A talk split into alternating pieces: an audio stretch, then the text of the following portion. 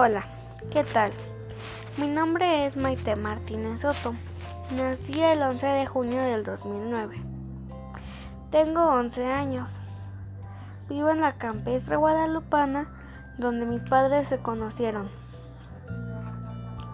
A los cuatro años estudié en el Kinder Beatriz Ordóñez Acuña. Recuerdo que mi infancia la pasé muy bonita junto con mis compañeros y maestros. Después, a la edad de seis años, me inscribieron en la escuela primaria licenciado Adolfo López Mateos, donde estudio actualmente, cursando el sexto año, con mi profesor José Luis Hernández Pineda.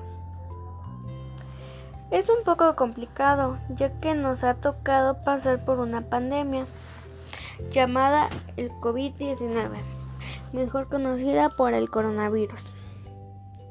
Es por eso que estamos estudiando en línea y no tenemos clases presenciales. Lo que no me gusta es que no puedo convivir con mis amigas, amigos y maestros. Extraño mucho mi escuela. Mi familia la conforman cinco integrantes. Mi mamá, mi papá y mis dos hermanos con los cuales estoy conviviendo más. En mis tiempos libres me gusta hacer TikToks porque me encanta ver todas las tonterías que puedo hacer. Yo de grande quisiera ser youtuber para ser famosa. Mi comida favorita son los tacos de carne al pastor. Mi color favorito es el verde agua.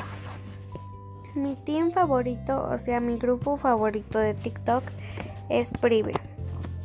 Y quien me cae mejor de Prive es Darian Rojas y Marian Classroom.